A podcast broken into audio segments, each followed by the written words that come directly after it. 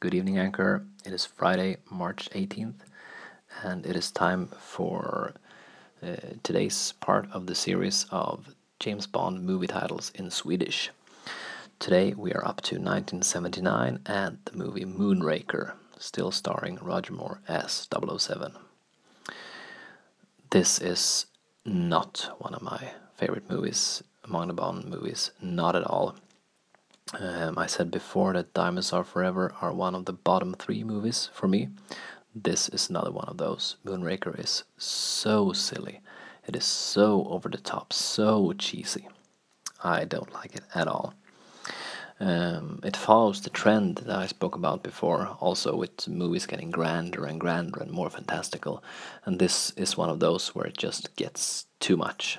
So for the next movie, that will reset back down to a more believable movie. Anyway, um, script script wise, Moonraker is more or less a rehash of The Spy Who Loved Me, who in turn is very similar to You Only Live Twice.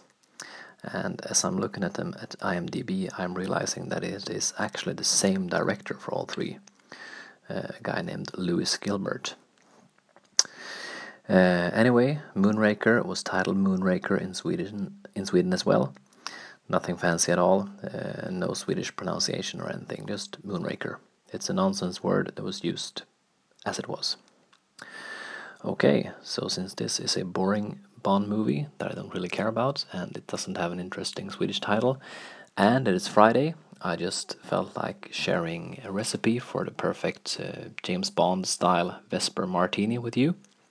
Um, three parts of gin, one part of vodka and half a part of uh, martini. That's it. James Bond will.